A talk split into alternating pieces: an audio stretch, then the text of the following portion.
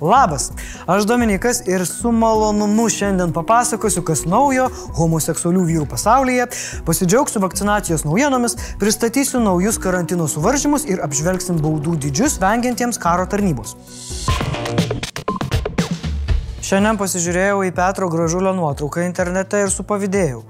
Tai jeigu net Petras turi IT suportą namuose, tai kodėl aš turiu apie Zoomą pats viską išsiaiškinti? Projektas. Palauk, Ar jūs manęs negirdit? Alio, Atsiprašau labai, kas čia kalba? aš čia gražulis. Tikrai, šiais laikais saugoti tradicinės šeimos vertybės yra labai labai sudėtinga. Niekur negali jausti saugiai. Pastoviai už nugaros tyko pavojus. O jeigu rimtai, gerai tie mūsų Seimo nariai įsitaisė. Nuogas IT suportas asmeniškai atvažiuoja į namus pagelbėt, kai nemoki per Zoomų prie kultūros komiteto posėdžio prisijungti. Pats Petras sako, kad jo orientacija yra normali. Ir jis esą tai įrodė palangoj.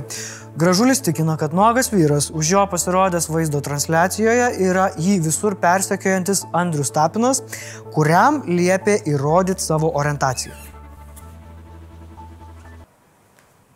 O mes savo ruoštų siūlome atimti žodžio žmogaus titulą iš Karbauskio ir Skvernelio ir atiduoti jį gražuliui. Tačiau šią savaitę keblioje situacijoje atsidūrė ne tik gražulis. Briuselėje vienas konservatyvus, beveik 60 sulaukęs vengrų europarlamentaras Josefas Sairis turėjo atsiprašyti ir atsistatydinti dėl to, kad belgų policija sugavo jį bėgant iš vyrų orgijos. Aš suprantu, kad smagu praleisti laiką po darbų vyriškoje draugijoje. Vienaip ar kitaip. Bet vakarėlis huge. Dvam penki bernai. Šitiek namų ūkių. Namie susitinka. Aš tikiuosi, kad jie ten bent su kaukiam visi buvo. Ne, ne, ne su tom. Taip pat pas parlamentarą buvo rasta ekstazio. Liaudiškai tariant ratų. Nu jo, be ratų kažkaip toli nenuvažiuosi. Visiems už Pričiuptiems vyrams buvo skirtos baudos po 250 eurų. Be vengrų europarlamentaro dar du svečiai pasinaudojo diplomatinę neliečiamybę. Kas šiaip keista, nes prieš tai jie visai nesipriešindavo, kad juos liestų. Ką dėl nenumalšinamos aistros prarado Vengrija?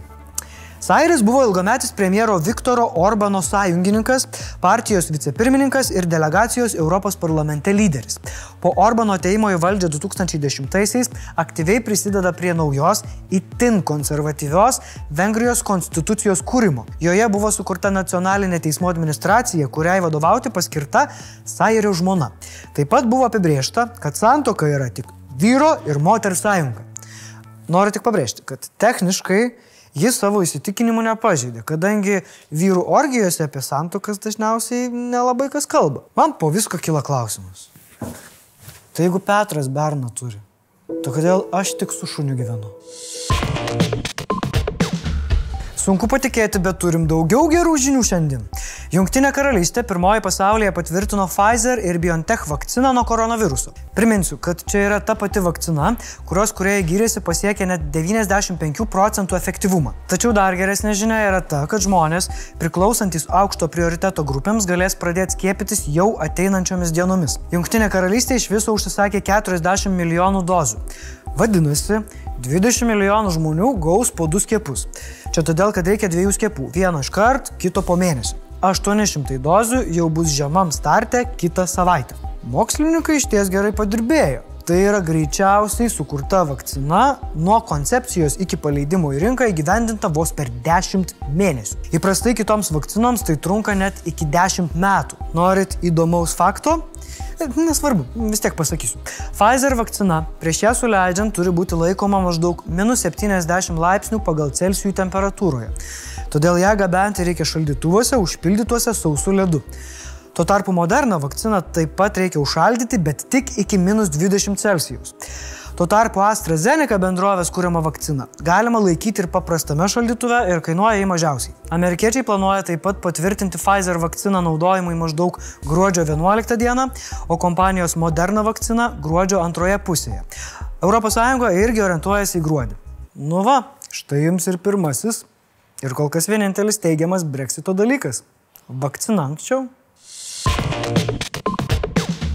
Vyriausybė pagaliau išgirdo ekspertų rekomendacijas ir karantiną sugriežtino. Tad nuo šiol susirinkti galima tik grupelėmis po du. Taip pat uždrausta prekiauti laikinose prekybos vietose, išskyrus prekybą ferverkais. Nes kaip ir naujieji jau visai nosies, nusuprantat. Dar vyriausybė rekomenduoja prekybos centrus susilaikyti nuo akcijų ar kitokių būdų karantino metu skatinančių žmonių susibūrimą parduotuvėse. Karantino sugriežtinimų šalyje tikrai reikia. Didžiosios miestų ligoninės jau skelbė, jog dirba maksimaliomis pajėgomis, tačiau dažnu atveju pasireiškia ne lovų, o dirbančio personalo trūkumas. Vienintelė viltimi tikriausiai išlieka efektyvi vakcina. Paaiškėjus žinioms, kad Didžioji Britanija jau vieną iš jų patvirtino, Su naujų ministrų paskirimu niekaip negalinti susitvarkyti prezidentas Gitanas Nausėda paragino laikinąją vyriausybę pasirenkti COVID-19 vakcinų prieimimui. Anot jo, Lietuva jos pasiekti gali jau artimiausių metų, todėl būtinai tinkamai reikia pasiruošti. O dabar patarimas sportuojantiems. Prieš sportuodami kartais susimastome, gal reikėtų kaukę užsidėti. Bet pasaulio sveikatos organizacija sako, kad sportuojant kaukės dėvėti nereikėtų.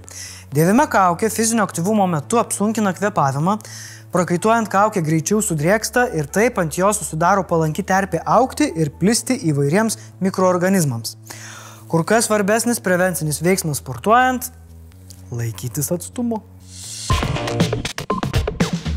Kadenciją baigianti vyriausybė nusprendė sugriežtinti baudas privalomos karo tarnybos vengiantiems šauktiniams. Krašto apsaugos ministerija sako, kad problema ta, klausykit, kad dabar visi turi daug pinigų. Tai susimoka baudą ir tiek žinių. Kadangi greitų metų pasirodys šauktinių sąrašai, jaunuoliai, sukluskite. Papasakosiu, kas keičiasi ir kas grėsia. Jei vėluojate prisistatyti dvi paras, maksimaliai mokėdavote iki 300 eurų. Dabar teks pakloti net 900 pinigų. Jei atsisakote vykdyti nustatytas karo prievolininko pareigas, arba kitaip tariant, atsisakote tarnauti, vietoje 60 eurų susimokėsite 108. O jei dar šakositės, tai už pakartotinį pažeidimą kaina pakils iki 420 eurų. Dar vyriausybė nori padidinti baudas už bandymą patekti į nacionalinio saugumo lygio objektą. Bet čia gal netaip įdomu. Tiesiog pasakysiu, nekviesti, nelyskite į saugomą nacionalinio saugumo lygio objektą. Nu, easy, paprasta. Beje, kalbant apie šauktinius, turiu jums gerą naujieną. Nors baudos ir didelės, karo tarnybos nėra hebra ko bijot. Ten viskas yra ok, netgi labai ok. Jei paspausite viršuje, rasite video, kuriame mūsų bičiuliai iš Laisvės TVX laužo mitus apie šauktinius. Būtinai pažiūrėkite. Blitz naujienos. Švietimo mokslo ir sporto ministerija pranešė, kad mokinių žiemos atostogos ilginamos nebus. Ministerija taip pat nesiūlo įvesti visuotinio nuotolinio mokymo, tegul sprendžia pačios mokyklos. Norime pasveikinti Davidas ir Vydį, tapusi jau 14 lietuvių, gavusių kontraktą NBA. Davidas oficialiai susitarė su Detroito Pistons klubu dėl trijų metų kontrakto. Dabar Danai dar labiau bijos mūsų. Išrinktasis Junktinių valstybių prezidentas Joe Bidenas sako, kad neskubės atšaukti Donaldo Trumpo įvestų muitų Kinijai. Tai reiškia, kad ir naujoji administracija gali būti griežta Kinijos atžvilgiu. Jeigu nenorit pirkti kalėdų eglės, bet namuose netyčia turit pelėdą, dovanas galit slėpti joje.